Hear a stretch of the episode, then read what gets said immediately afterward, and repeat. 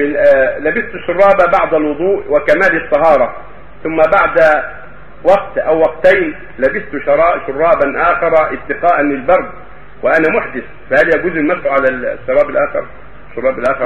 هذا يذكر أنه لبس الشراب على طهارة وبعدما مضى مضى وقت أو وقتان لبس عليه شرابا آخر للدفء مزيد الدفء وقد أحدث ليس ليس على طهارة والجواب لا يمسح على الشراب الثاني ما يجوز لأنه لبسها على طهارة أما لو لبسه على طهارة يعني توضأ ومسح على الخف الأول ثم لبس الخف الثاني على الطهارة جاز المسح- عليه لأنه لبسه على طهارة.